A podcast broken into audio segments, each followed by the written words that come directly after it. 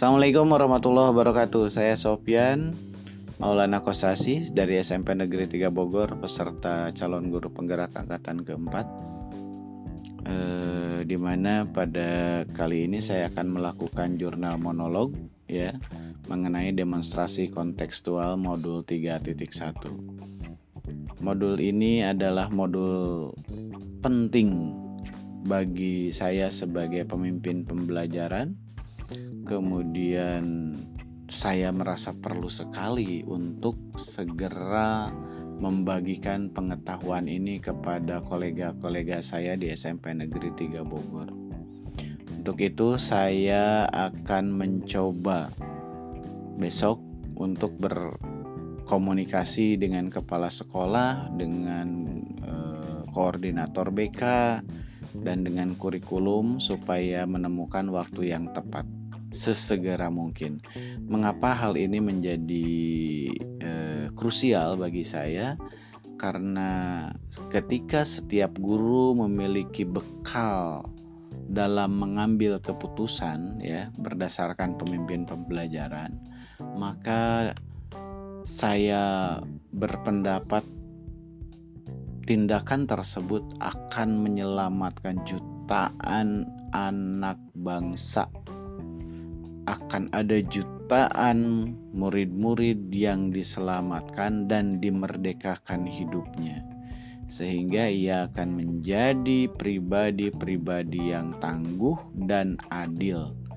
Kenapa? Karena mereka sudah mendapatkan pengalaman bahwa dalam hidupnya dia diperlakukan dengan baik, adil, dan menyenangkan. Nah, karena situasinya sangat luar biasa tersebut, saya juga akan mencoba meminta kepada kepala sekolah untuk membantu saya mengingatkan atau misalnya memotivasi juga guru-guru yang lain, kemudian menjadi eh, pengawas atau controlling dalam pelaksanaan program pelatihan ini dari mulai pelatihan sampai pelaksanaan. Tentu kepala sekolah juga harus dibantu oleh uh, kurikulum dan guru BK. Yang jelas guru BK pasti relevan dengan kegiatan yang sudah dilakukan sehari-hari. Namun ini adalah salah satu bentuk dari upaya sinkronisasi ya. Jadi setiap permasalahan tidak melulu bertumpuk di BK karena ada beberapa hal yang bisa diselesaikan oleh guru itu sendiri. Eh, pada dasarnya setiap guru ya eh, harus mulai melakukan pengambilan keputusan. Bahkan pada pengalaman saya hari ini adalah eh, minggu ini ya, minggu ini sedang melaksanakan ujian sekolah di mana semua peserta didik harus hadir di sekolah. Namun ternyata ada juga murid, saya punya dua murid yang tidak bisa eh, apa, yang memiliki problema di mana murid tersebut harus eh, mengikuti seleksi nasional untuk tim basket junior.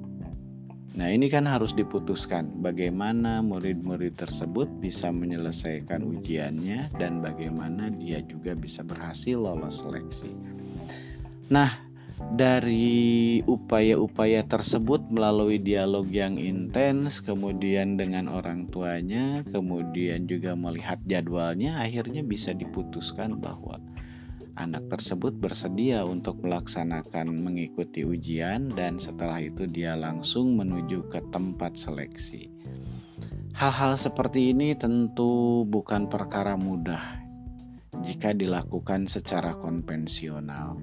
Untuk itu, mari sama-sama berubah, mari sama-sama belajar, mari sama-sama membuat sebuah keputusan-keputusan penting sebagai pemimpin pembelajaran dalam kehidupan sehari-hari, terutama di lingkungan pendidikan di mana kita bekerja. Assalamualaikum warahmatullahi wabarakatuh.